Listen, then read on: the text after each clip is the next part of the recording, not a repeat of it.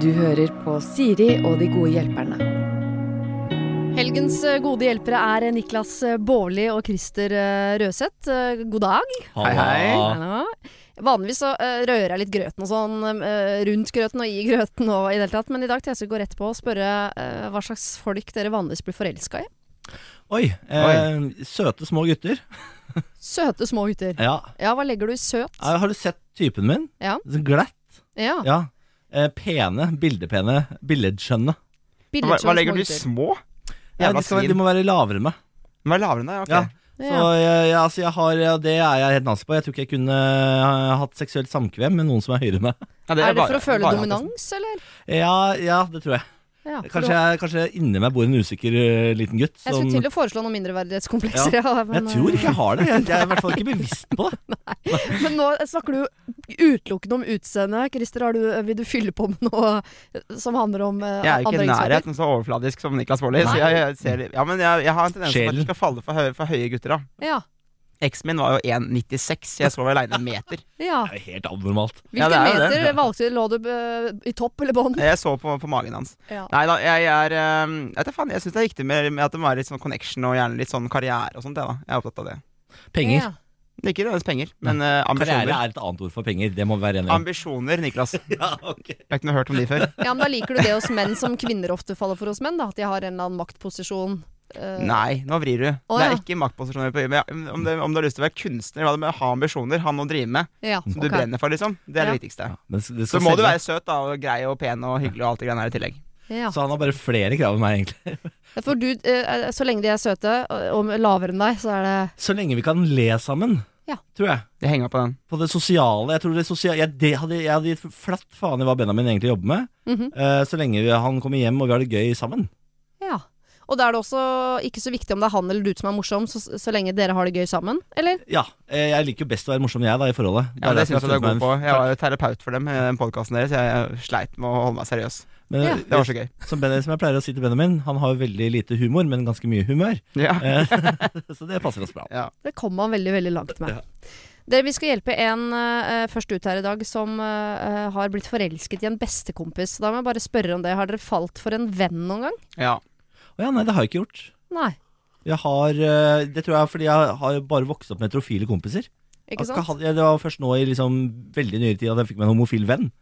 Så eh, det, og det legger jeg automatisk lokk på det, akkurat de der å starte, for du må jo sette litt i gang de følelsene sjæl, mener jeg. Ja. Men du da, Christer, du har blitt forelsket i en venn. Hva, Ja, fikk det en lykkelig utgang, eller? Tidlig 20, nei, på ingen måte. Eh, I tidlig 20-åra så er det jo eh, Jeg kommer fra Aurskog, ikke sant. Ja. Til Oslo, det, er jo, det var som en buffé, ikke sant. Var ikke, jeg var jo the only gay in the village, ikke sant. Eh, og da jeg fikk jeg en veldig god kompis som jeg fikk følelser for, da. Det var jævlig kjipt. Ja. Fortalte du det noen gang? Ja. Og var han heterofil? Nei, nei, Nei. gay. Gay, ja. Ja, men det som er problemet, du får skeive venner, ikke sant. Ja. Og så er, det er du ung, og så er det bare følelsen bare spruter over, ikke sant. Fordi du er glad for at du er homo, og du er glad for at det er andre homoer i nærheten. Det er jo helt sånn helt euforisk. Eh, og så det, det var sikkert Jeg er glad det ikke ble noe av. Men ja. der og da så var det selvfølgelig kjipt, da. Er dere fortsatt venner? Ja. Ja, det er bra. Er det Viktor Sotberg? Nei. Slutt med God kveld, Norge Det er, det er bestevennen hans. Det er Ja. bestevennen hans. Makan til å Nei, nei, det er ikke Viktor. Jeg begynte å jobbe i God kveld, Norge. ok? Jeg prøver å lete etter en sak her. Jeg skjønner. jeg skjønner Er det 71 grader nord, Viktor? Nei. Nei, det er det ikke. Nei, Han er ikke en kjent person. Nei, ikke sant. Hadde det vært det, hadde jeg for faen ikke sagt det her. Nå prøver jeg å hjelpe deg, Niklas. Jeg prøver å hjelpe deg. Dere, Vi skal ta første problem som handler om nettopp dette med å bli forelsket i en venn. Her er det en som skriver Hjelp! Jeg har i flere år vært forelsket i bestekompisen min. Dere kan kalle han Ulrik. Vi studerer i ulike byer og er begge ferdige med studier til sommeren. Vi er i starten av 20-åra. For et års tid siden fortalte han på fylla at han var forelsket i meg og ville ta steget videre. Han var så full, og jeg valgte å avvise han der og da fordi jeg trodde det bare var fylleprat. Eh, Da jeg eh, nå, ganske beruset etter en tur på byen, tok motet til meg for å fortelle han hva jeg føler og har følt over flere år, bekreftet han at han har de samme følelsene for meg fortsatt. Problemet er at han nylig har gått inn i et eh, forhold. Eh, og jeg har sagt at jeg er glad på hans vegne, og det er jeg også, men hjelp, jeg klarer ikke å tenke på noe annet uh, nå som jeg vet at følelsene er gjensidige. Og lurer på, skal jeg ta opp praten og finne ut hva uh, han vil med oss? Kan jeg spørre om det er meg han vil ha, eller må jeg la det ligge så lenge han er i et forhold? Og hvordan kan jeg da eventuelt komme meg videre? Hjelp, jeg vet virkelig ikke hva jeg skal gjøre. Kall meg Sunniva. Åh. Ja. For et rør! Ja, men mye er jo på plass her. De er forelsket i hverandre, de er venner. Han Ja. er bare ikke egentlig eh, på markedet. For søte. Men de bor også i avst... Altså, de bor jo i forskjellige byer. Ja. Så de, de, de, Det er jo største problemet. Ja, det tror jeg også. Jeg tror de har et, egentlig et håpløst utgangspunkt her. Okay. Eh, fordi Jeg er helt enig i at de er venner, de kjenner hverandre godt. De har allerede hatt praten, som jo kanskje er den eh, egentlig vanskeligste bøygen å komme over. Men så bor de i forskjellige byer. Hvordan i alle dager skal du klare å starte noe uh, fra det utgangspunktet med uh, bakteppet at Ulrik allerede har seg en kjei der han bor? Tror Ja. Det er veldig tungt. Uh, selv om man jo har blitt enige om at Ulrik og jeg, vi har jo en greie her. Ja. Ja. Men er du generelt skeptisk til avstandsforhold, eller er det det at det starter som et avstandsforhold som gjør det vanskelig? Ja, jeg bodde i to år i avstandsforhold. Ja. Det gikk kjempefint. Men det var fordi vi allerede hadde tre år på baken. Ja, disse er jo gode venner i utgangspunktet. Ja, Ja, jeg syns det, er- det er vanskelig. Altså. det, jeg, det er som Niklas sier, altså, det er et veldig vanskelig utgangspunkt.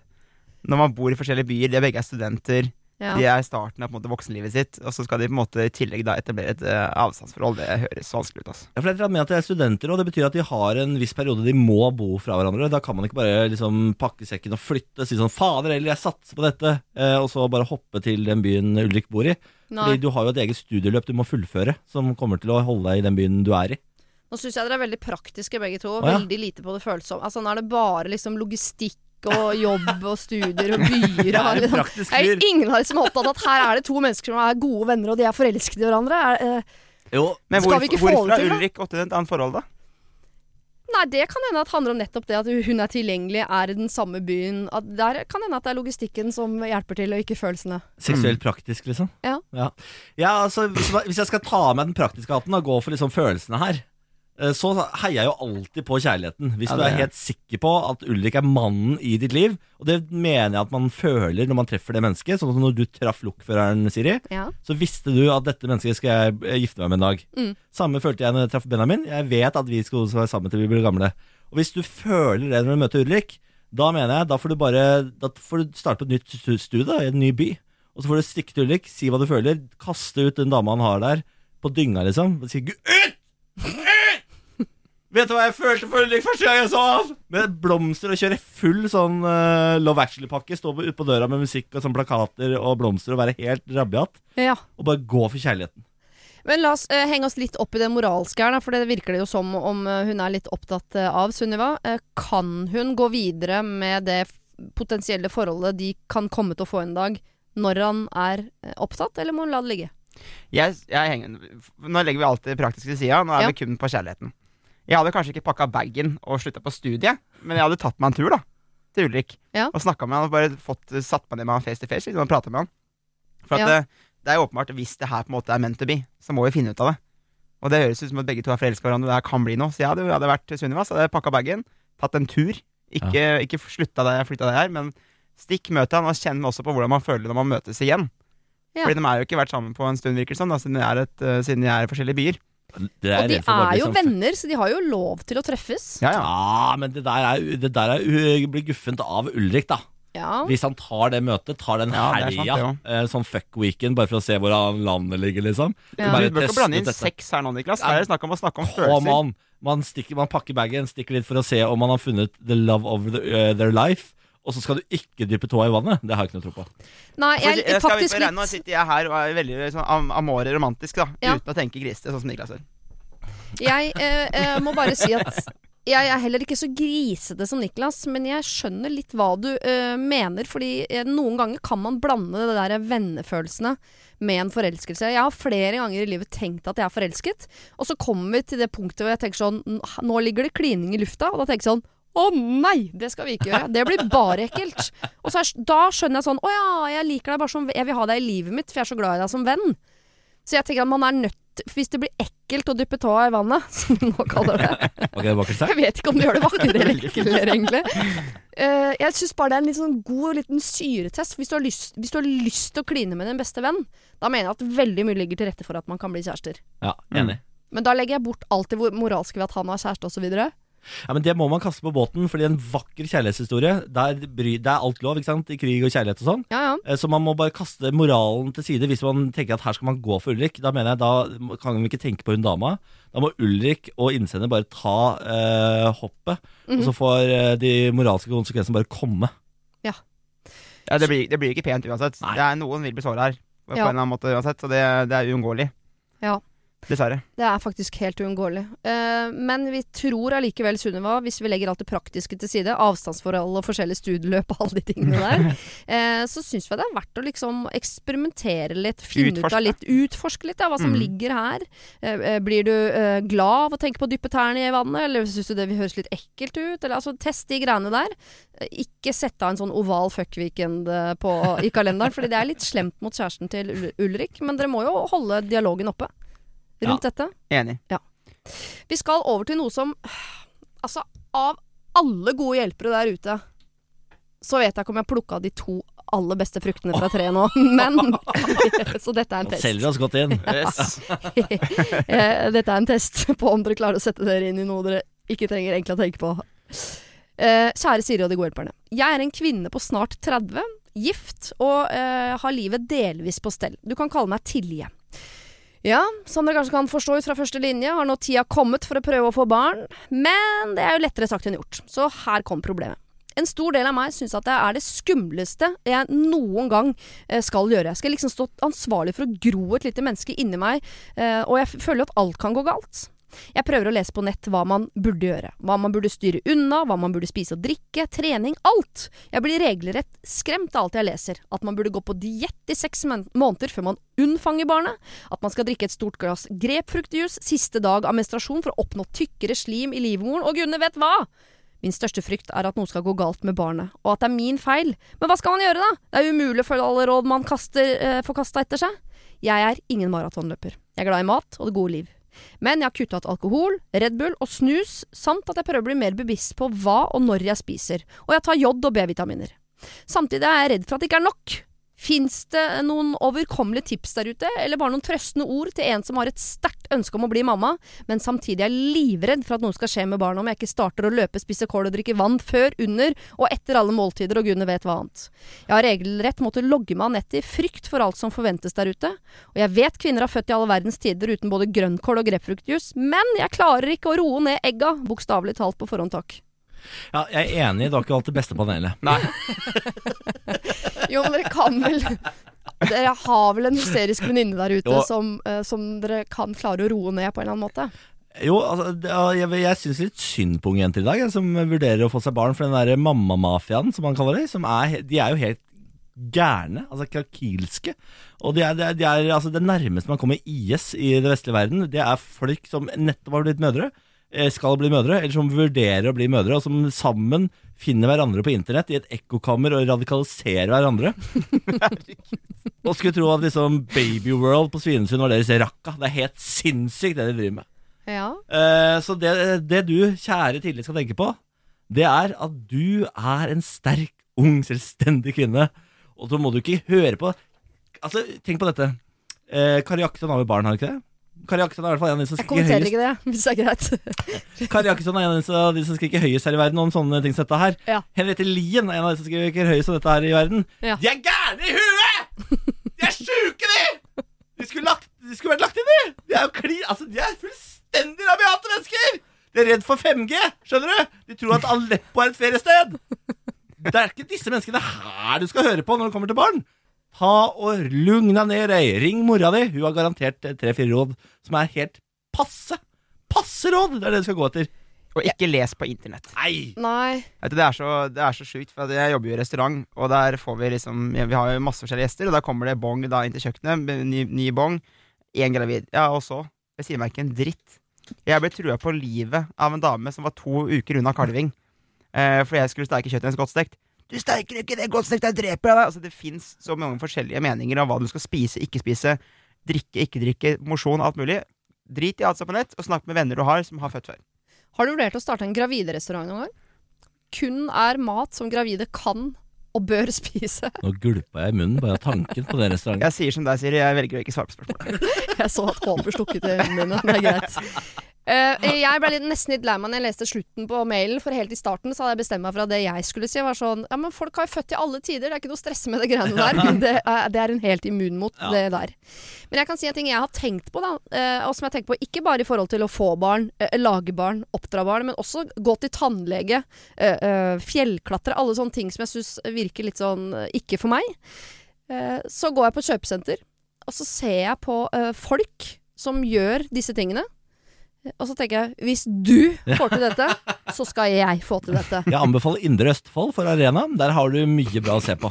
Ja, men man må finne folk som man Og det jeg mener ikke at man skal sette seg over, man må finne folk som man tenker ikke får til absolutt alt her i verden. Og så må man se på de tingene de får til, og så må man tenke sånn Ja, men da skal jeg også få det til. Altså, det er jo folk som altså, Tenk på dette. Hvis, øh, hvis det er så forferdelig som det du liksom har klart å vri hodet til nå Fordi det er det du har gjort. Du har jo eh, satt deg selv i en bane som bare blir verre og verre og verre. Eh, altså, den eh, karusellen går bare opp, opp, opp, opp, opp, opp, opp, opp, opp, opp, opp. Du er, sitter i Thundercolster på Tusenfryd, og det klikker. Du kommer aldri over, eh, over eh, stupet. Det du må gjøre, er bare å øh, sette den i revers. Du skal ikke opp den bakken her, du skal rett fram. Du skal, du skal ta tekoppene, du. Du skal ikke opp i noe Thundercoaster. Slapp av litt! Og så Folk har jo født ett barn, de har født to, de har født tre. Folk elsker det jo! Folk elsker å føde barn! elsker det! Det beste de veit! Har snakka med noen som har fått barn, eller? Er det beste som har skjedd meg i livet? Har ikke opplevd noe finere enn å føde barn. Folk elsker det! Jeg tror ikke selve fødselen de uh... Nei, men hør, hør på måten Tilje skriver. Hun er full av kjærlighet. Ja. Hun har kjempelyst på å få barn. Du hører på hele jenta det er verdens ah, ja, ja. supersøt jente. Ja. Og veldig, veldig fin. Og det, jeg tenker at, vet du hva For det første, som jeg sa i stad, drit i nettet. Ikke Mm. les de bloggene, for det er 100 meninger. Bruk referanser av livet som du stoler på, og bare vær deg sjæl, for at hun er jeg 100 sikker på kommer til å bli verdens fineste mamma. Hvis dette ikke går 100% veien, så er det ikke fordi Tilje ikke har gjort som hun skal. Nei, det er aldri Det er din aldri feil. Tilje sin feil. Nei. Det er ingenting som er din feil, eh, Tilje. Det er fint at du er engasjert, det er fint at du tenker på det, men du er faktisk nødt til å sette uh, mindsetet ditt litt i revers. Ut av tønnercoasteren, over i tekoppene. Roe deg litt grann ned. Se på hva andre folk får til, og tenk at dette her også skal du naile. Nå skal vi til et kjempevanskelig valg. Er dere klare? Oi. Jeg er litt oh, uh, hard med dere i dag. Ja, Ja. kom med det. Dere hadde sikkert håpet at det bare skulle være sånn uh... Er det selvmord i Sveits på klinikk? Nei, Nei. det er det ikke. Da går det bra. Det tar jeg nå. slitt, Ja. Hei, Siri og de gode hjelperne. Jeg har et dilemma jeg håper dere kan komme med innspill til. Jeg er en jente i eh, 20-årene som ser relativt frisk og normal ut. Dessverre stemmer ikke det helt, fordi jeg har en kronisk sykdom som gir meg bl.a. kroniske leddsmerter og hypmobile ledd. Med litt planlegging lever jeg relativt normalt med dette, og på gode dager elsker jeg å være i aktivitet som alle andre. Problemet er at på dårlige dager så sliter jeg blant annet med å gå, og blir ofte liggende i senga og klarer ikke å fungere normalt. I det siste har en litt skummel tanke streifet meg flere ganger, nemlig å ta, eh, ta mot til meg og søke om rullestol til avlastning. Dette er en uvant og skummel tanke, fordi jeg ser relativt frisk ut, og har mesteparten av tiden ikke bruk for den. Men de dagene hvor formen er dårlig, hadde det jo hjulpet, slik at jeg kan delta på det jeg vil, som f.eks. skole eller andre aktiviteter med venner. Mitt problem med tanken på å sette meg i en rullestol, er hva folk rundt meg tenker. Jeg er den typen person som ikke liker å vise svakhet, og skal helst klare alt sjøl. Jeg er veldig engstelig for hva familie og venner skal tenke når, den ene, eh, når de den ene dagen ser meg i en stol, mens den neste så går jeg fjelltur. Og for ikke å snakke om fremmede når de ser en person som reiser seg fra stolen. Vet jeg egentlig ikke burde legge så stor vekt på det, altså, men med tanke på at dette faktisk skjer, så gjør det meg veldig usikker. Det å ta inn over meg at dette er mulig, eh, et mulig alternativ, er heller ikke så lett, og jeg vet ikke om jeg er klar helt ennå. Hvordan hadde dere reagert om dere i fremtiden hadde sett meg reise meg fra en rullestol? Anna eh, heter hun, eller vil kalles for Anna. Ja, Mm. det var jo litt av et uh, problem da, jeg, jeg føler med deg. Jeg kan jo um, jeg kan suge erfaring fra eget bryst. Jeg vokste jo opp med en bror i rullestol, Ja. som, uh, som når han var 14 måtte ta valget om at nå, nå, går jeg såpass dårlig at jeg må sette meg i rullestolen. Ja. Uh, og det var for han også ganske tungt og vanskelig, men uh, det valget var tatt, så var livet hans ekstremt mye lettere. Fordi eh, som deg så kunne han da spare opp eh, krefter til å klare ting eh, som han vanligvis måtte bare gitt opp tidligere. Mm. Eh, så han fikk jo mye mer ut av hverdagen sin og mye mer ut av livet sitt et par år til. da.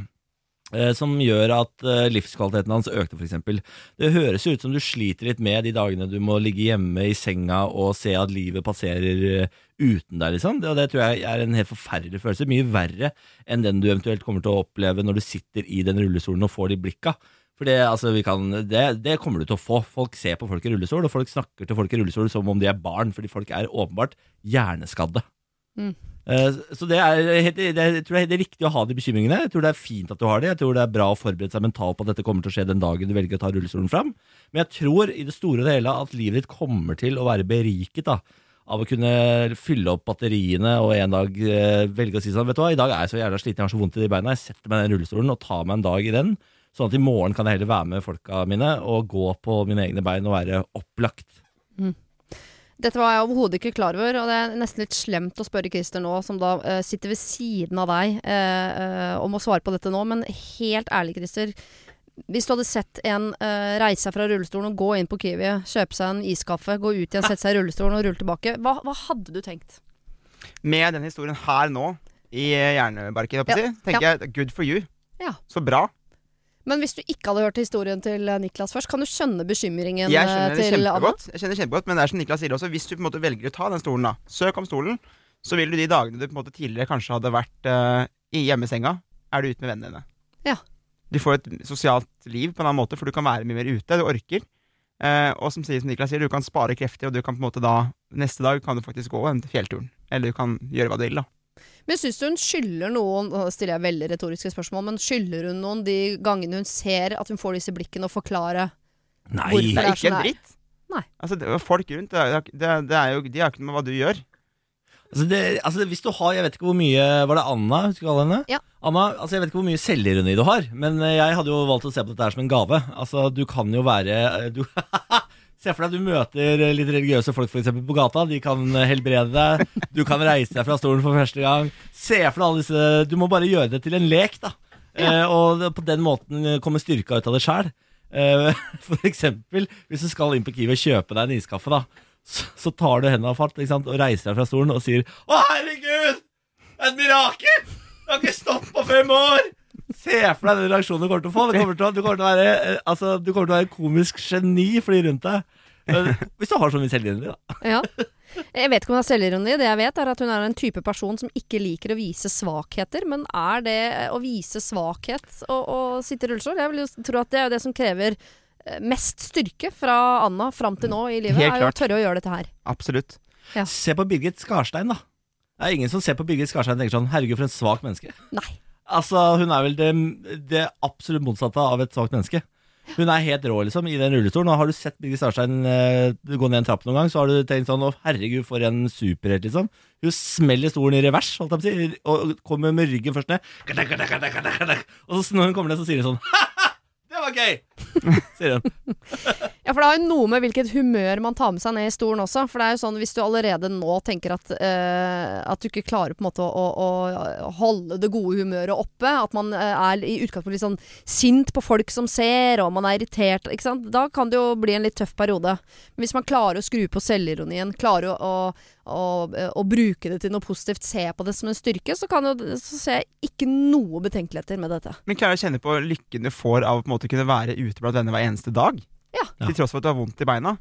Ja, Å Eh, kunne si sånn 'jeg blir med uansett', ja. jeg blir med uansett. Eh, Det, det er det som er så fint med den her. Hvis hun får, tar seg til motet og får tak i den stolen, som jeg syns hun skal gjøre, så tror jeg og håper at hun vil få et enda bedre liv. For hun vil ha mer tid ute være mer sosial og vil få en bedre livskvalitet. Og det finnes noen fordeler her som vi ikke har nevnt. Du kommer først i køen på Tusenfryd.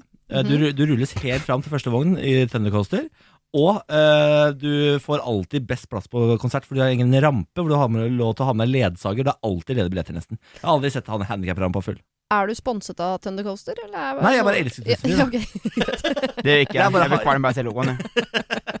Jeg elsker Twiz og Tusenfryd, så her er det meg. Jeg skjønner. Ja, her høres det ut Anna, som om det er en meget god stemning for at dette valget må tas. eh, Og vi tror ikke du kommer til å se deg tilbake og angre på det på noe som helst eh, måte. Vi skal inn på en restaurant. Er du med, Christer? Ja. ja. Her står det nemlig. Jeg har blitt sammen med en fantastisk kvinne. Vi trodde aldri vi skulle klare å velge hverandre, da vi er svært ulike med tanke på religion, politisk ståsted, vi er fra hver vår kant av landet og hvert vårt samfunnssjikt. Ja, det meste er ganske ulikt, men begge respekterer den andre og setter pris på å kunne snakke om ting, og så har vi heldigvis helt lik moral i bånn, og vi har de samme ønskene for fremtiden. Selv er jeg lektor, mens hun er utdannet kokk og driver en liten restaurant. Hun er ekstremt dyktig i sitt fag og går 100% inn i jobben, selv om dette er verken noe veldig stort eller fancy sted. Etter sommeren så har hun satt opp ny meny, og vi var en gjeng som var der for å smake oss gjennom. Og det er alltid en veldig hyggelig happening når dette skjer. Men denne gangen fikk jeg til min store overraskelse servert tunfisk. Det går ikke an. Det er vel ikke lov. Det verste er at hun påstår at hun er så innmari miljøbevisst, er så innmari opptatt av bærekraft osv., og, så videre, og hun har fjerna rødt kjøtt fra menyen, blæ, blæ, blæ. Men her syns jeg ikke hun ser hele bildet. Men det gjør kanskje ikke jeg heller. Jeg ville ikke ødelegge hennes store kveld, og misforstå meg ikke, altså tunfisk er veldig godt. Og jeg lurer nå på om jeg bare skal la uh, dette passere, eller om jeg skal legge dette inn på lista over ting vi diskuterer allerede. Blander du tunfisk og hval? Dere kan kalle meg Frank, for det har jeg alltid hatt lyst til å hete, skriver til slutt. Jeg tror tunfisk, er, er det er ikke bra å spise tunfisk, Christer? Det er noen, eh, noen freda arter du ikke Ja. skal ta. Ja. Men så er det en kvote på for makrellstørje for eksempel, i Norge. Ja. Eh, men det er alltid motstander av det. Ja. Men Er ikke eh, tunfisk på en eller annen list, på sånn rødliste eller noe det er, sånt? det har, du har jo bluefin og yellowfin. Jeg er ikke helt for, jeg er sikker på forskjellen på hvem av dem, for jeg bruker ikke tunfisk på jobb i det hele tatt. Nei. Eh, men hadde jeg fått tilbud om å kjøpe makrellstørje, så hadde jeg gjort det. Ja. Men, da, men da får du en kvote som er lovlig gitt deg av staten, liksom. Jeg hadde ikke kjøpt tjuvfiske. Nei, for det er jo folk som er imot Scampi òg. Det bruker du sikkert på jobb. Nei. Du bruker ikke Scampi. Scampi, sumpreke. Å ja, det ja, det fins Deres bærekraft altså, men jeg er jo ikke noe glad i det. Deres Majestet, jeg bøyer meg i Scampi-støvet. Ja, please, du. Altså Scampi er uh, møkkamat, og uh, Ingen mat tunfisk er er kattemat, møkkamat. eller? Jeg velger å ikke spise Jeg husker at jeg er en, bæ- en bærekraftig type. Jeg er ikke noe for at vi skal kaste noe som helst, men uh, jeg er ikke noe fan av Scampi sjøl. Nei. Mm. Og tunfisk ikke så Tunfisk, glad i det jeg heller? spiser tunfisk. Ja. Uh, absolutt. Uh, men som sagt, det er viktig at den er For det er den typen som er freda, som ikke du skal ta. Ja. Det er jo åpenbart. Det er tjuvfiske på det også. Men hvis hun selger tunfisk i restauranten sin, så er Ja, klart, hvis hun er veldig moralsk på det her med, med ikke rødt kjøtt og alt det, for det er jo jeg også uenig i, da. Rødt kjøtt skal vi spise. Mm. Uh, men oh, hun det er bra. Ja, ja, Det er bra. Nå liker jeg det. Ja, men det, kjære venner, vi kan ta en lang prat om det her. uh, men hvis hun, hvis hun, lenge hun serverer tunfisk i restauranten sin i Norge, så er den tunfisken lovlig. Ja. Og så det er ikke noe da grunn til å ikke spise den. Så Frank kan roe seg helt ned på at den tunfisken eh, eh, ikke skal være der, at dette han, er har- han har lov til å mene at ikke det er, er moralsk spist tunfisk. For all del er hans mening. Ja. Men det det blir ikke omsatt tunfisk i restaurantbransjen som ikke er lov til å servere. Nei, det er det han spør. Er det lov? spør han med opptil flere utropstegn her. Og det er det da tydeligvis. Ja, ja, jeg, jeg vet ikke hvor hun har kjøpt den tunfisken, men det skal godt gjøres. Ja, men Han føler vel at hun er dobbeltmoralsk, at hun uh, annonserer med, med to sider i menyen. på en måte For hun sier sånn 'ikke rett kjøtt', som er he, altså, det er jo he, da er du, det er jo veg, da er du vegetarianerrestaurant. Da. Det er jo galskap. Det hadde jo aldri gått inn med mine to føtter. Eh, men men så kom jeg inn på vegetarrestauranten, og så serveres det tunfisk. Så hadde jeg blitt helt forstyrra. Hva i alle dager er ikke dette Hvis du mener du har en pesketar Ja, men det restaurant. Da må, Nå må folk gi seg! Ja. Må du gi deg et spise dyr, så Der kan vi snakke ikke de- lenge om, altså, Det orker jeg ikke. Jo, men hvem, uh, okay, hvem er det som er mest dobbeltmoralsk her, da? Er det, er det hun som driver restauranten, eller er det faktisk Frans, uh, Frank, som jo uh, reagerer så hardt på det med tunfisk, men det der med rødt kjøtt det virker han ikke så veldig opptatt av? Jeg tror at han eh, har en mening om tunfisk. Og at han, han har fått for seg For jeg skjønner at han tenker det. Ja. Eh, men etter hva jeg har forstått, så er det Det er ikke ulovlig å servere tunfisk, for å si det sånn. Men det fins typer du ikke får lov å servere. Frank glemmer jo å skrive i denne mailen at han er medlem og kanskje leder av Norsk Tunfisklaug, eh, som eh, prøver å ta vare på artsmangfoldet her i Norge, da.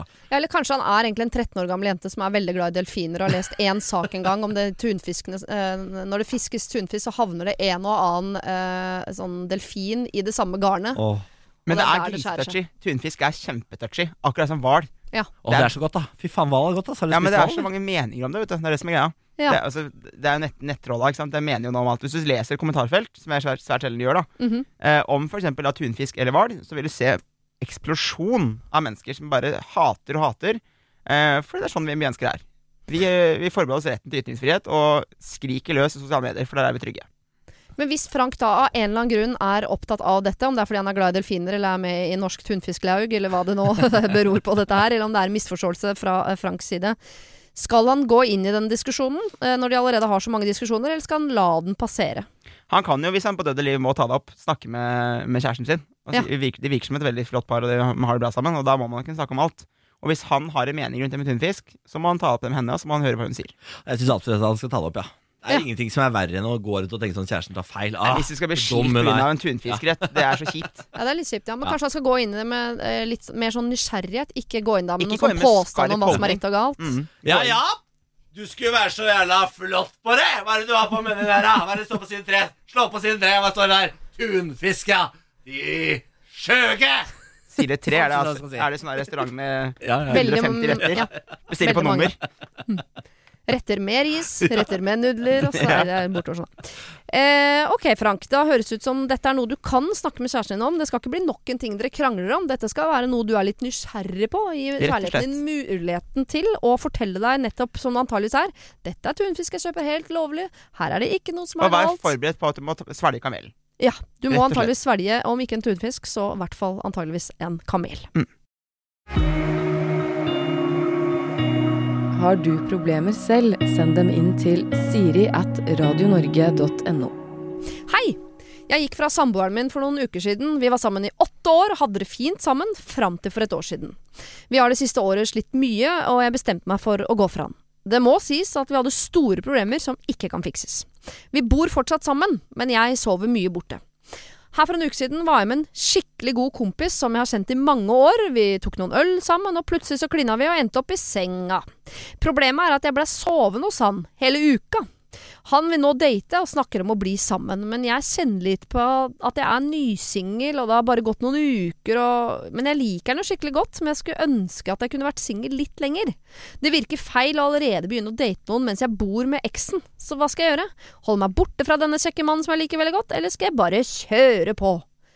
Todelt problem for så vidt. Skal hun unne seg selv å være singel litt lenger? Eh, eller, og skal hun eh, gå på den fyren her nå mens hun faktisk bor sammen med ekskjæresten? Hvis det har vært et forhold et eh, siste året og ikke hatt det bra det forholdet, og man møter en fyr som Oi, han var, han var veldig hyggelig, dette var veldig sånn stas. Det kan være litt sånn at huet fucker litt med deg også. Ja. Så jeg hadde vel ikke klemt på gassen sånn umiddelbart. Ja, du, jeg er jo håpløs romantiker, jeg da. Men jeg er jo Jeg har også vært eh, sånn evig forholdsfyr. Jeg har jo egentlig aldri vært singel siden jeg var 19, nei, 18 17-18 år. Så har jeg egentlig vært i forhold og bare hoppa fra person til person. Mm -hmm. uh, og jeg kan jo innimellom tenke sånn Faen, jeg skulle ønske jeg egentlig hadde vært singel et par år der. Hva er det du skal bruke den singeltida til som ikke du Nei, kan det gjøre er i et jo- forholdet? Knulle rundt, da. Ja. Eh, og, ha, det er, og ha de opplevelsene som man ikke har i et Nei, det er jo det, men det er jo ikke sant, for det, man vil jo alltid ha det man ikke har hatt, osv., osv., osv. Ja. Gress alltid grønnere på andre siden. Jeg er ganske sikker på at eh, hvis jeg hadde blitt singel nå, og bare wow, knulle rundt-periode, så hadde jeg nok hata det ganske raskt. Og tenkt Ja. sånn, hva faen er det jeg ga opp? Eh, Så jeg tror eh, det der er en sånn klassisk sånn eh, gress er grønnere på andre siden. Nå er det bare min tur til å bare kjøre på, pølseboden er åpen. Kom igjen, bankekjøttet er ute på byen, liksom. Ja. Men jeg tror ikke du kommer til å bli så lykkelig av det. Hvis du er ganske sikker på at han kompisen her er a match in heaven, så tror jeg ikke du skal tenke sånn Men fader, da. Jeg har jo egentlig lyst til å bli banka blå øh, opptil flere ganger i uka av forskjellige menn. Hvem er det som tok han inn i det rommet her, egentlig? Nei, det, vi får han utlevert fra et institutt innimellom. Jeg, Ja, men det som er greit, Jeg er helt enig med Niklas, men kanskje ikke etter ei uke, liksom. Ta så Gi det litt mer tid. Ikke, jeg, hadde, jeg hadde ikke turt, i hvert fall. Du som jo har prøvd singellivet i større grad enn Niklas, etter hva jeg syns jeg Ja. hører. Kan, øh, vil du glorifisere singellivet, eller? Nei, på ingen måte. Det er ikke, det er ikke digg å være singel. Altså, det, det, det er jo det òg. Det fins jo både pros and cons, på en måte. Men øh, Ja, Niklas. Ja. Uh, men eh, det er al- Jeg også ville ha et forhold, liksom. Men ja. rett etter et forhold så har jeg vært i to forhold sjøl, og da har jeg på en måte tenkt at det er greit å ha en liten, liten break. men Ja, for jeg tenker, Hvis man skal først være singel en periode, som, og det er nok sikkert fint, det, men det er det ikke eh, for at man skal Jeg orker ikke å bruke alle bankekjøttmetaforene dine og sånn, men eh, noen ganger kan det være greit å være litt alene, bare for å se at man eh, både kan kose seg i sitt eget selskap, eh, klare seg selv. Altså Det er en del ting jeg mener er verdt å undersøke ved singellivet. Bare det å, å liksom øh, fikse å være aleine. For plutselig en dag så, så må du være aleine. Og da er det greit å ha prøvd det, syns jeg. Å ja. Men så du, du- ser på det som en slags skole? En slags skole. Til den dagen partneren din dauer? Nei, men til den dagen du kanskje er singel en par ufrivillig singel en par Det er ikke sånn at alle kan gå rett ut av forholdet, gå og plukke seg nye frukter i fruktkurven og, og kose seg med de. Nei. Nei, Nei. det er det ikke alle som har muligheten til. Nei, det er bare veldig begavet akkurat der, da. Men man velger jo ikke Man velger jo ikke timingen i det. Så, altså, hun Nei, velger men- jo ikke selv når hun møter Hvis dette er mannen i hennes liv, så kan hun ikke si sånn 'Sorry, du er mannen i mitt liv, men jeg har bestemt meg for å være singel akkurat nå'. Det tror jeg ikke Nei, går vær, an. vær litt sikker på hva du driver med, bare. Altså, Kos deg, for alle herregud. Snakk om bankkjøtt, og dundre på med det. Men Ja. bare vær forsiktig. Pass på deg sjæl. Men Det det er så kan kjipt hvis det plutselig ikke funker, og så blir du såra igjen, og så er det dritt, da. Han det- eksen, har vi glemt han, eller gir alle helt F i Vi det? gir Han er fullstendig ferdig. faen i han. Ok. Eh, altså, men, men du må jo ikke tenke at bare fordi du begynner å date han her, så er alt over ellers også. Fordi eh, dere har nå holdt på en uke, og, det, og det- datefasen hvor man ikke er eksklusiv, den kan være ganske lang. Ja. Så du kan jo fortsette å trå vannet med han litt sånn forsiktig her. Det er kanskje ikke en intensivt uh, sju dager i uka Ikke hele tiden. flette, liksom. Nei, da, da blir det kanskje litt vanskelig å skulle ha noe på sida også. Men det er jo lov uh, å ligge litt med han, ligge litt med en annen, så lenge du er åpen og ærlig om det med han fyren her. Ja. Og holder en meters avstand, selvfølgelig. Selvfølgelig. At hun, nå i perioden fram ja. At hun i perioden framover nå tar det litt med ro, ikke flytter inn. Altså uh... Nei, men hvis han, hvis han nye typen eh, etter liksom en uke tenker at ennå nå skal bli kjærester det, For meg i hvert fall er det en liten grunn til å ta en liten, lite steg tilbake. Det glemte vi egentlig, at han virker jo litt ko-ko. Han kompisen her. Det er, ja. Det er man jo når man er forelsket. Ja, men en uke, Siri. det er betatt. Kanskje han har vært forelsket i henne i årevis. Men det er ikke sånn Nei, det der, vet du hva, det der, det der, har jo, det der er jo en ting. Det er jo knulleforelska. Eh, det det er det som skjer Hæ? Det trodde jeg bare jenter ble. Å ja. Ja. Det tror jeg ikke stemmer. Nei. Eh, jeg tror også gutter blir det. Ok. Eh, og det er sånn den, den der romansen som oppstår rett etter man har ligget for første gang, og kanskje de første gangene, så er man sånn Mannen i mitt liv! Så er det jo ikke det, fordi det går over det der. Uke nummer to så er ikke de liggende like spennende lenger. Og så skjønner man ah, nei, jeg var bare knulleforelska. Det var det jeg var. Ja. Eh, Og når dette i tillegg, eh, la oss si det er det det er, da. I tillegg er han en kompis, og han har muligheten til at hun kan sove et annet sted enn i det huset hun har delt med mannen. Det kan være sånn getaway-greie også. Ja, det er jo noen fristelser der. Så jeg, jeg skjønner godt at det er vanskelig å holde seg borte fra han. Men jeg syns ikke hun skal liksom Med mindre hun har lyst til det 100% så skal hun jo ikke gå inn i dette med begge beina nå med en gang. Absolutt ikke. Nei, gå inn med et amputert bein Ja, og en stump. Ikke sant. To sumper går inn med to sumper. Eh, kos deg med han fyren, tenker jeg vi sier. Ja, Eh, gjør det. Ikke eh, sette ring på fingeren og flytte alle klærne over, liksom. Det vil jeg venta litt med til det føles helt riktig. Men heller ikke bestem deg for, for å være singel, for at det, det styrer du ikke alt sjøl. Hvis, hvis det her bare er dritbra, gi det tid, og så kanskje det er veien å gå. Ja, det, det er faktisk noe av det mest irriterende jeg møter på min vei. Det er folk som sier sånn Nei, vet du hva, jeg, jeg, han er helt fantastisk, men jeg er singel, jeg nå. Nå er, nå, er det, nå er det my time, liksom. Nå Ja, er da er ikke han, da er han ikke Altså, fantastisk nok. nei, Det er mitt svar på det. Fordi Mm. det klarer man ikke hvis man treffer en som hele kroppen og hele alt vil ha. Da klarer man ikke å si sånn Ja, men jeg er singel. Så det går ikke. Som de sa i Moss i gamle dager.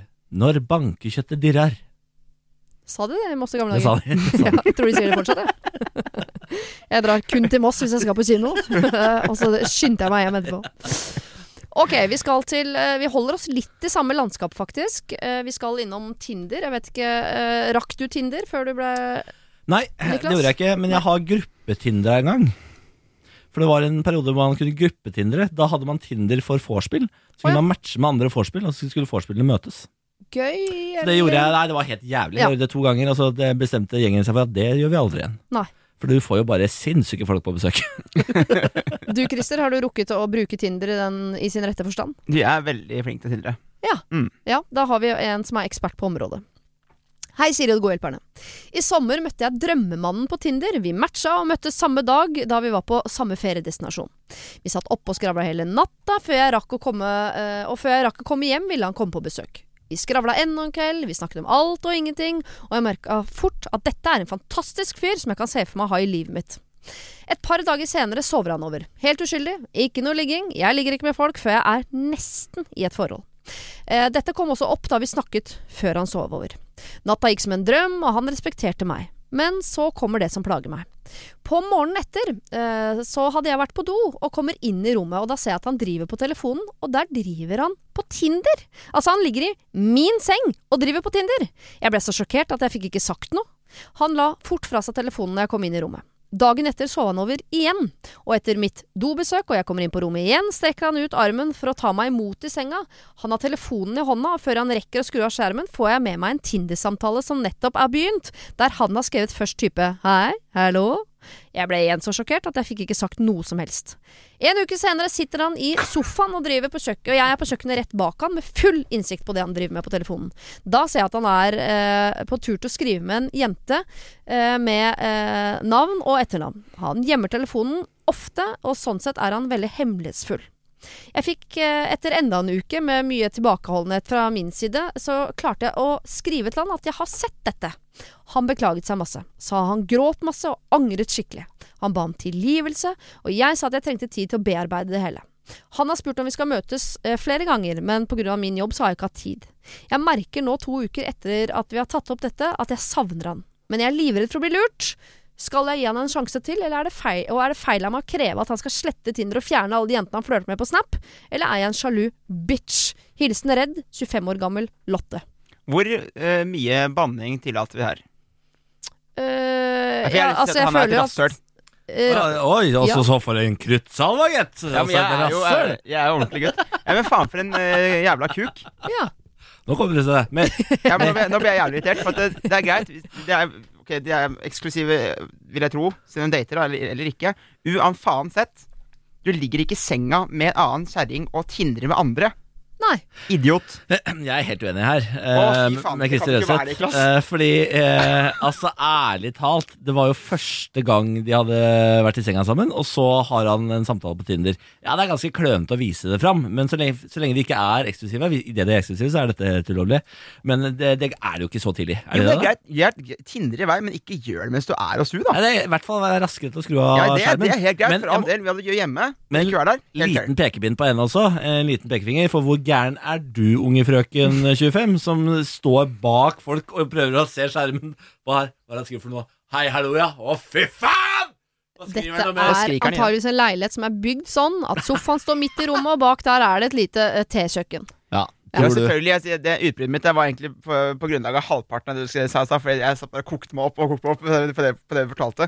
Men ja, klart, hun skal ikke sitte og se på telefonen hans. Det er jo åpenbart. Det er hans telefon. Men igjen, har nok respekt til å ikke sitte og tindre med andre damer når du er på date med en annen. Jeg tror ikke noe på at han angrer. jeg. Tror han der er en playa. Eller nei, det er ikke det man sier i 2020. Det man sier fuckboy i 2020. Ja. Jeg tror han er en fuckboy, han er. Jeg tror han jobber seg rundt som en slags eh, omreisende tivoliartist. Mhm. eh, og jobber seg ned i underlivet til diverse kvinner mens han uh, tinder til neste stopp. Kanskje han ikke har et sted å bo engang. Kanskje bare- han ikke har et sted å Ja, bo! han bare vi seg det. fra sofa til sofa. Ja. Underliv til underliv. Eh, og han der, eh, Lotte, Lotta, Lotta. hadde jeg holdt meg unna. Sjæl. Så eh, skal jeg gi han en ny sjanse. Jeg savner han skikkelig. Nei. Nei. For hva er det hun savner? Det hun savner, er vel den usikkerheten på sånn Han liker meg Nei, han liker meg ikke. Jo, han Det er sikkert meg. kjempehyggelig og varmt akkurat der da. Å, han er liksom mannen i mitt liv, og det er koselig i armkrokene og alt det glorifiserte greiene.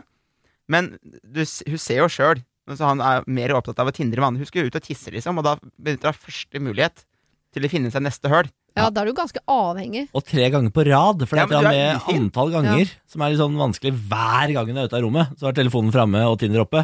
Det er litt problematisk. Og da blir jo inngangen på dette potensielle forholdet eh, I starten skal det ikke være så trøblete. Skal det ikke være mest kos i, i starten av et forhold?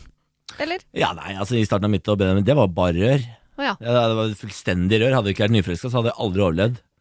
Nei. Så det at det er trøblete i starten, trenger ikke å bety at det blir et dårlig forhold av det.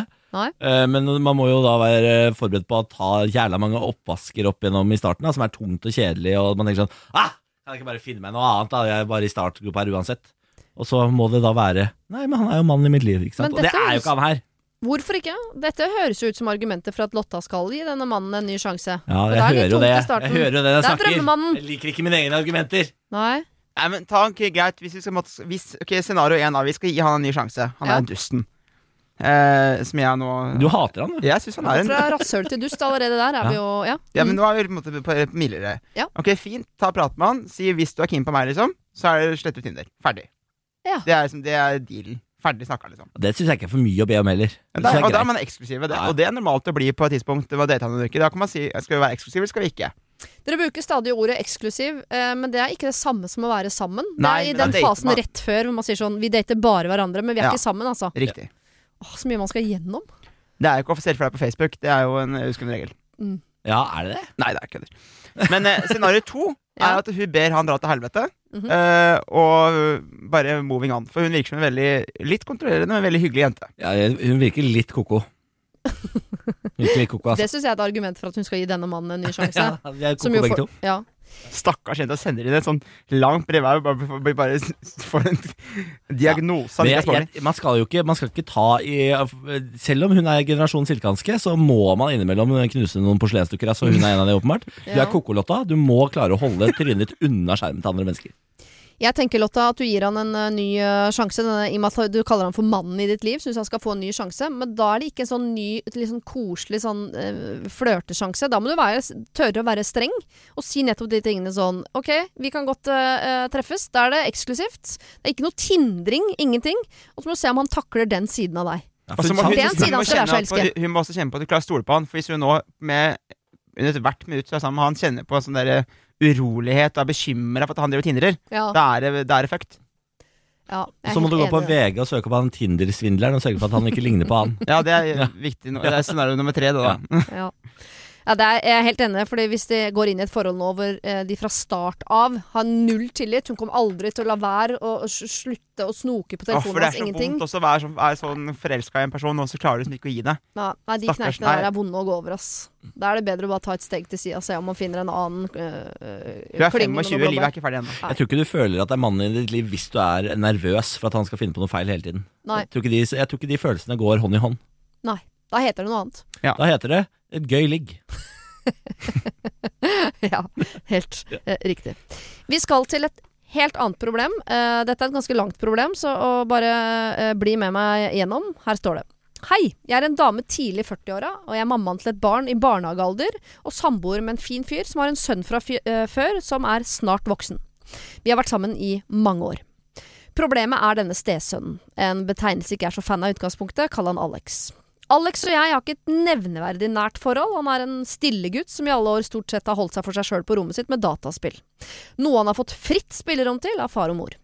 Han har aldri egentlig vist noen interesse i å ha et godt forhold til meg eller andre han ikke kjenner fra før, og jeg har alltid visst at han ikke kommer til å involvere seg noe særlig i sin lillebror da han ble født. Selv om jeg ofte får beskjed om at sånn er jo tenåringer, så har mine bekymringer om nettopp han vist seg å være ganske så riktig. Alex er nå dypt involvert i politikk som ligger langt inn i det røde landskap, og internasjonalt sådan. Han tilbringer hvert ledige øyeblikk med øynene på telefonen uten å ha noen dialog med oss når han er her. Og de gangene han åpner munnen, er når han har sine daglige og nattlige telefonsamtaler med politiske meningsfeller. Jeg vet at han er involvert i en internasjonal bevegelse og ønsker å engasjere seg politisk hjemme, men jeg vet også at hans synspunkter til dels beveger seg over i det revolusjonære, og i mine øyne, som jo har levd litt lenger enn han, det naive. Han engasjerer seg i diverse kommentarfelt, på, eh, spesielt på utenlandske Facebook-sider, i en form som er veldig trollete. Og han er raskt uh, frempå med sine synspunkter, og mener de er riktig framfor våre, og, som han bare ler av. Med andre ord, han er litt kjepphøy, også overfor hans lillebror som går i barnehagen. Eh, Det er min oppfatning at verken mor eller far vet hvem han snakker med til daglig, hvem de er, hvilken alder de har, hvor de bor osv.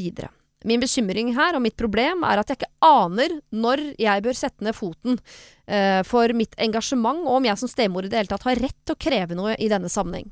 Jeg syns ikke det er greit at en tenåring sitter våken til langt på natt og har politiske samtaler med vilt fremmede folk i andre land og snakker om revolusjon som om det er det naturlige neste steg i et engasjement som vi så vidt har sett konturene av.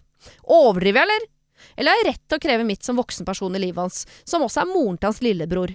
Jeg ønsker ikke at hans engasjement skal resultere i problemer for verken han eller oss, og jeg ønsker åpenhet om hva som skjer under mitt tak. I tillegg syns jeg det er på mange måter trist at han kun engasjerer seg i ting som ikke involverer oss i familien, eh, og han prater kun med mennesker på nett framfor oss som faktisk er her. Og så sier hun videre en lang mail. Hun sier også at eh, far reiser bust. Vil, eh, han vil ikke snakke med henne om disse tingene. Eh, og hun lurer da på hva gjør jeg? Eh, det skal sies at det er ikke snakk om noe eh, ekstremisme eller noe terrorgreier.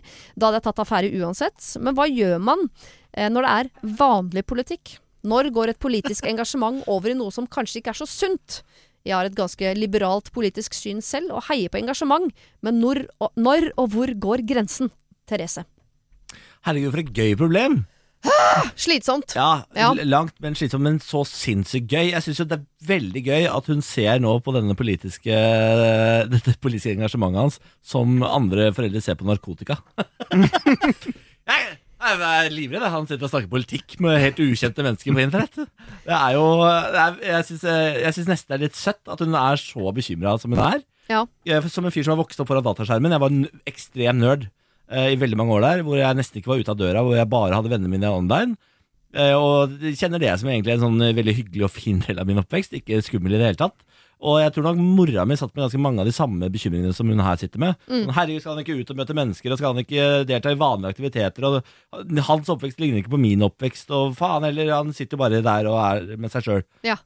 Men det er jo ikke det han er. Han er, sitter jo på rommet sitt med andre mennesker, bare på en annen måte enn du traff vennene dine når du var barn. Det er jo ikke sånn at man nødvendigvis går på kiosken og henger lenger. Man Nei. er online, og så er man sosial der. Så jeg tror, ikke, jeg tror ikke det sosiale aspektet er så utrolig farlig. Og så tror jeg du skal eh, la den kiden der drite i lillebroren sin. Det høres ut som han er for gammel til å bry seg om et barnehagebarn uansett. Mhm. Det brødreforholdet kommer sikkert til å vokse seg til når den yngste blir eldre. Det kommer seg jo, ikke sant? Det vokser seg jo til. Ja. Eh, Det er helt vanlig for en tenåring å drite i lillebroren sin som går i barnehagen. Det er ikke farlig. Og så er han jo ikke Han er jo ikke så langt ute at det er noe ekstremisme der. Og da er det jo bare politisk engasjement. Det ble folk av Bjørnar Moxnes òg, liksom. Ja, han så til de grader. Ja, ja, ikke Ja. sant? Og han var revolusjonær, han. Ja. Partiet hans det sto for væpna revolusjon til inntil nylig, de. Så det er, altså, jeg syns jo du, du koker eh, suppe på spiker her, da, og lager ekstreme problemer ut av noe som høres ut som et ganske vanlig tenåringsliv.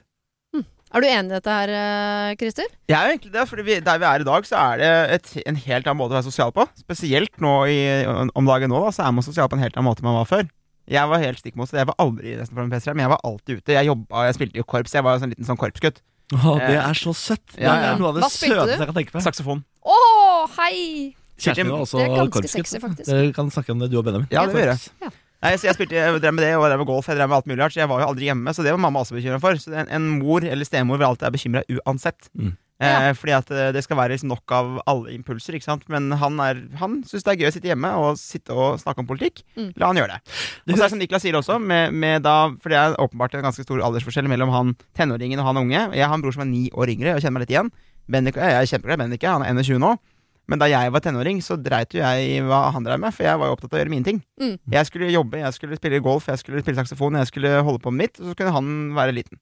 Det høres ut litt som hun ønsker seg en sånn kjernefamilie. Altså Hun har et sånt bilde på hva en familie egentlig skal være for noe. Og dette passer ikke inn i hennes bilde av det. Nei. Fordi de skal jo sitte rundt middagsbordet og ha en hyggelig familiesamtale hvor broren skal spørre hva lillebror har gjort i barnehagen, og så skal de le og kose seg og kanskje synge en sang for å få fullstendig harmoni, liksom. Ja, ja. Uh, men det er jo ikke sånn familier egentlig fungerer. Det er TV-familier, det. Ja. Uh, og du er jo stemor og har uh, lyst på mer makt enn du egentlig har rett på her. For det er tross alt farens oppgave å oppdra den kiden, ikke din. Eh, og du kan si sånn ja, det er han bor under mitt tak, og ja, ja, ja, det gjør han, men du er tross alt bare Du er inngifta her, liksom. Du må forholde deg til at dette barnet er ikke ditt. Trenger ikke at det er dop i huset, da kan du få lov å reagere, liksom. Ja, ja. Men uh, Ekstremisme og dop og alt sånt, da er det lov å dra til, det er liksom. lov å reagere. Men, Men han kan hun, kan hun kreve noe form for sånn uh, Jeg tipper et ord man kunne brukt sånn vanlig folkeskikk. Altså Når vi sitter og spiser middag sammen, så snakker vi sammen. Ja, altså, nei, det tror jeg Du kan heller ikke kreve det, men du kan kreve at så, mamma fortsatt Jeg blir 30, liksom. Det er ikke lov med telefon rundt middagsbordet hjemme. Nei.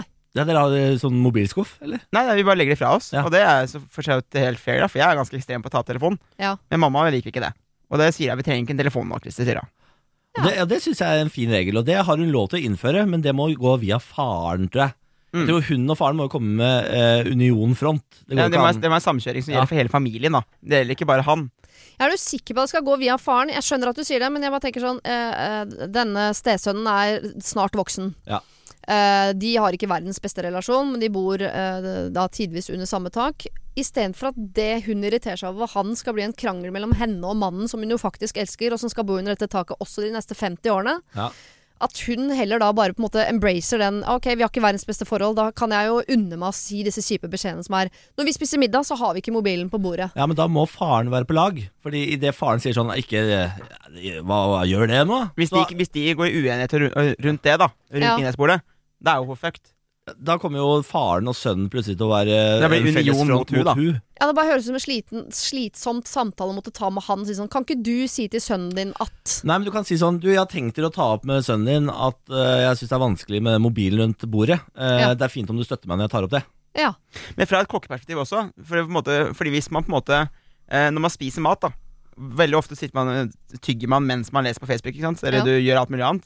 Men hvis du tar deg tid til å bare sitte, holde kjeft et minutt og faktisk smake på hva maten smaker, så får du en helt annen opplevelse av måltidet du spiser. Ja. Det er et, også et godt innsalg. ja. Det kan hun bruke. Det kan Her hun i vår familie så legger vi bort mobiler. Vi smaker på maten.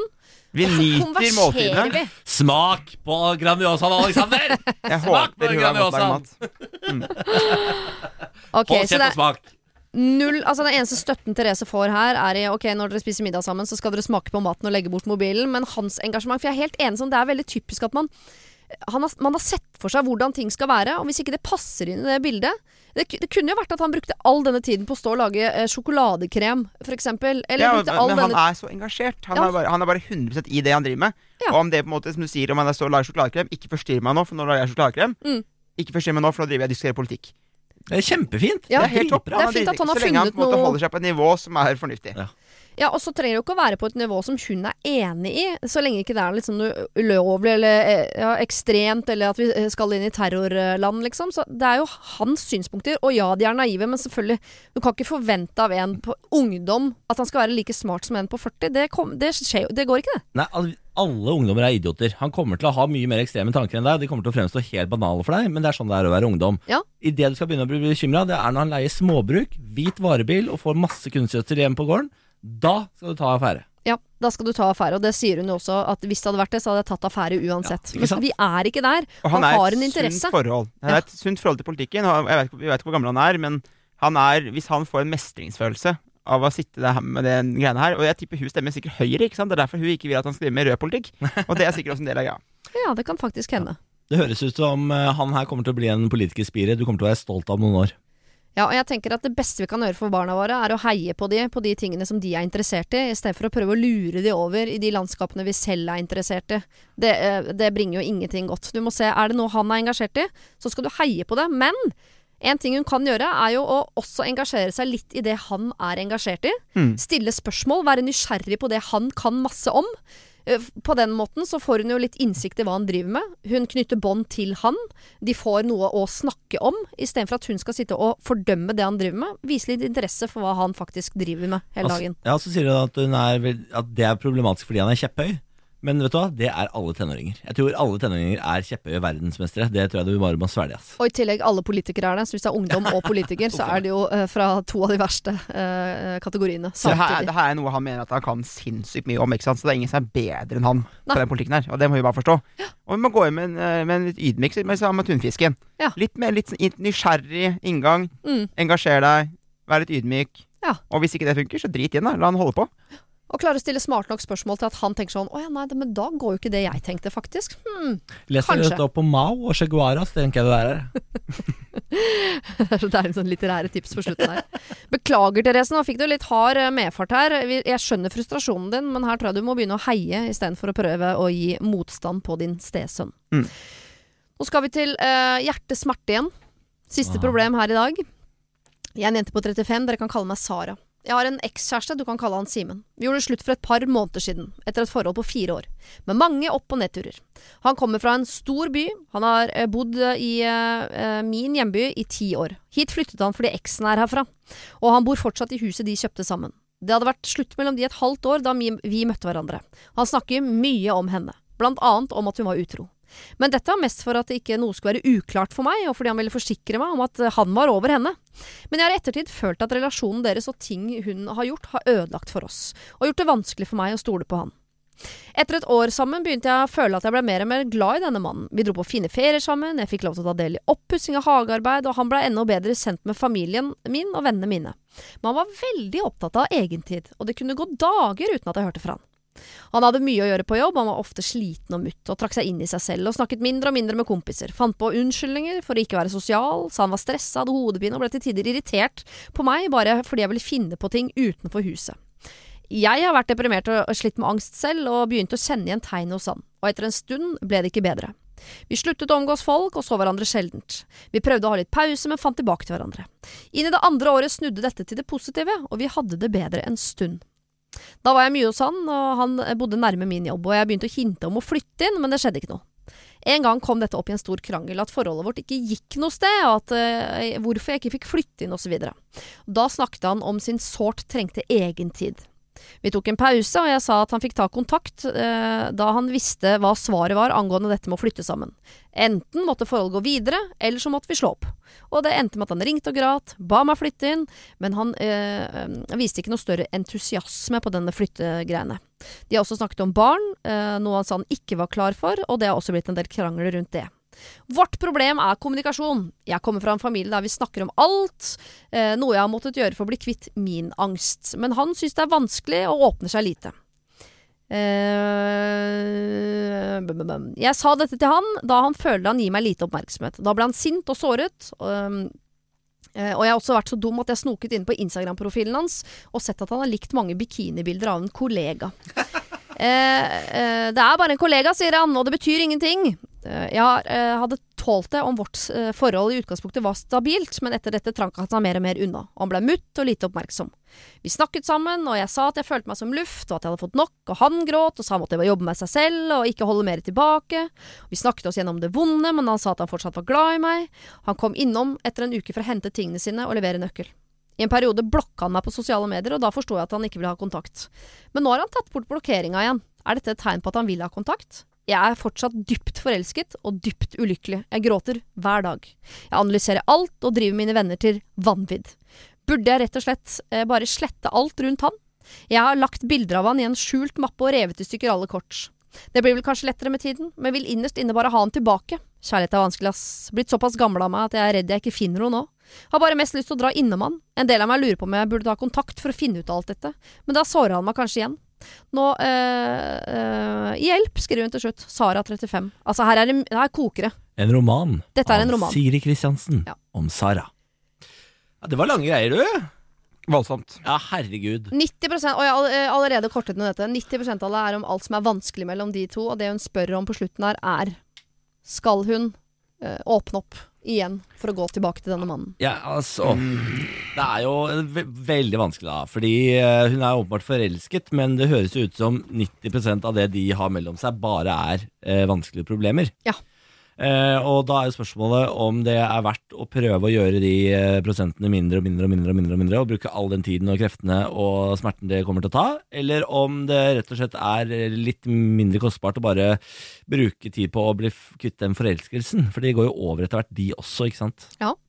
Eh, og det høres ut som han er jo ganske ekstrem da når han blokker henne på alt som er av sosiale medier. og sånn. Det er ganske drastisk å gjøre. Men det kan også være sånn forsvarsgreie. For jeg, det, med min eks så han også sletta meg på alt. På Instagram. Når det ble slutt. Ja, det ble slutt, ja. Ja. ja. Det var ikke noe bad breakup. Det var bare det var bare på en måte måten man liksom kommer seg videre fra den personen på. da Ja. Så kan hende han nå har bare Han blokka henne for en periode. Det For er så lett veksten det at du er på alle Kiwi-butikker i he... Altså, du er, det, er, det trynet ditt er kanskje norsk, Norges mest sette tryne. Tre år siden. Altså, uh, men det er riktig. uh, men uh, ja, fy, har det vært nå? Har vært Det er frekt, mye tryne. Ja, han- du er stakkars mann. Kan ikke gå ut av huset uten at trynet smiler til til, til, Han gjorde fjeset. Da flytta du et annet land. Han gjorde det før. Nei, men Poenget mitt er bare at han kan ha at han sletta henne på disse, på disse her forskjellige plattformene fordi han skal da komme seg videre. Mm. Men har åpna på henne nå, for han føler at på en måte, nå er på en måte den tida ferdig. Så enten, enten så er han litt nysgjerrig igjen, eller så er han bare som, som driter i det. Og tenker Ja. at eh, de kan være venner. Men for henne som fortsatt er stormforelska, så skjønner jeg at det her er dritvanskelig. Ja. Det Men det høres høres jo litt ut som to mennesker som De kan ha det bra når alt ligger til rette for at han er på riktig sted i huet sitt og i livet. Huden er på riktig sted. Alt Altså, det, det er så utrolig mange tilfeldigheter som må være til stede for at de to skal ha det bra. Og da, da tenker jeg eh, Sjansen, hvis vi skal dra matten inne, sjansen for at de to skal ha det bra sammen, er så mikroskopisk, liksom. Men til han da som har på en måte slitt med angstdepresjon av egen erfaring, Ja. det må du snakke med noen om. For at det, er, det, er ikke noe du bare, det er ikke noe du bare klarer å fikse sjøl. Snakk med noen, for at det var snakk om det, for det er, det er dritvanskelig. Ja. Det mener jeg, da. Eh, Jeg har gått og fått masse hjelp for det sjøl. Men til, til hun som på en måte har kommet over, som hun også skjønner at det, for han er ikke, det er ikke lett å ta det første steget. Det er kjemperart. ja. Uh, Så han, han har det sikkert kjempekjipt på innsida, han også, liksom. Ja, men Det er ikke hennes ansvar å ta vare på hans indre demoner. Eh, fordi de, nå, de er tross alt ikke sammen lenger. Og hver gang de er sammen, så går det like hardt utover henne som han. Så da får man plutselig to mennesker som har det dritt, da, istedenfor ett. Mm. Så han må jo ta ansvar for egen, eh, sosial, nei, egen psykisk eh, behandling. Og så må han, for det trenger han jo helt åpenbart, han må få seg litt hjelp.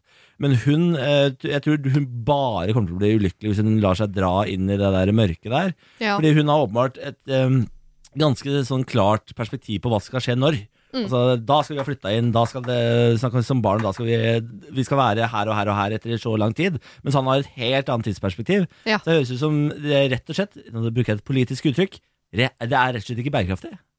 Altså, det, det, det er global oppvarming i det forholdet der, og isen smelter, havnivåene stiger, og hun drukner. Hun er, med, nei, hun er Maldivene, hun. Ja, eller isbjørn. Eller isbjørn. Ja. Tynn, tynn isbjørn. Veldig liten isbjørn. Jeg er, litt, jeg er enig i det, men jeg tenker at hvis man skal liksom redde noe her, så, så kanskje man kunne sett på sånn at hun kan være der som en venn for han i en periode. Men Hun kan se om liksom, eh, hun kan påvirke han i en retning som gjør at han tar tak i livet sitt. Og, og hvis det går bra, så kan de kanskje utvikle Jeg, hø jeg hører sjøl. Venn med en eks som ikke er på plass eh, helt mentalt, Ja. det hadde jeg ikke turt. Det blir bare rør. Det Det bare rør. jeg. Nei, altså, jeg tror at eh, for, for hun nå, som fortsatt er forelska, så ser hun på en måte etter alle mulige tegn. På hva som kan være at de kanskje en dag blir sammen igjen. Ikke sant? Ja.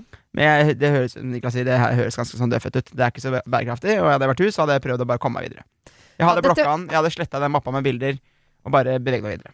Dette høres ut som et prosjekt som man, bare, man hadde sett for seg hvor bra det skulle bli. Man kjøpte den der rønna som skulle bli den fantastiske villaen, og så kla man klarer ikke å gi opp det prosjektet selv om man ser at 'jeg får det faktisk ikke til'. Og så er det den drømmen om hva det kunne ha blitt, som bare er så utrolig vanskelig å legge fra seg, liksom. Du fikk jobb i et, som direktør i et børsnotert selskap. Alt handler om å spare penger. Det var ikke det du trodde først. Men det var sånn det blei. Oi, wow. Wow. Er- wow. Wow. Mind blown. Ja, skal vi eh, bruke noen flere metaforiske bilder på, Talenter, på dette forholdet nå? Ja, nei, nei, jeg er tom, jeg. Ja. jeg er tom, jeg. Ja. Det var isbjørnen for meg. Ja, jeg tok børs... Det, det, det, Ja, ja, det var mye bedre.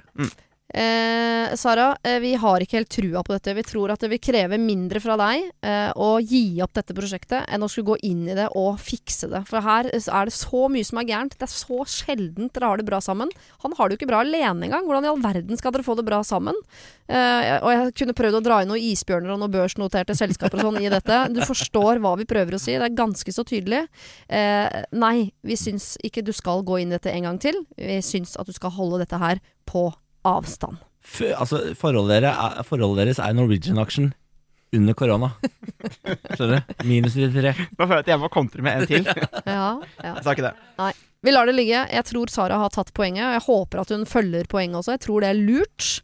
Eh, og så vil jeg si tusen, tusen takk for all god hjelp, Christer og Niklas. Jeg tror dere har redda en og annen isbjørn og et børsnotert eh, selskap i løpet av denne helga her. Er Bare Norwegian igjen nå. Ja, faktisk. Det var veldig hyggelig å være her, Siri. Kjempehyggelig. Så bra. Ha det! Hei. Det var det. Husk å sende ditt problem til siri at radionorge.no om du vil ha hjelp. Denne podkasten er produsert av Rubicon for Bauer.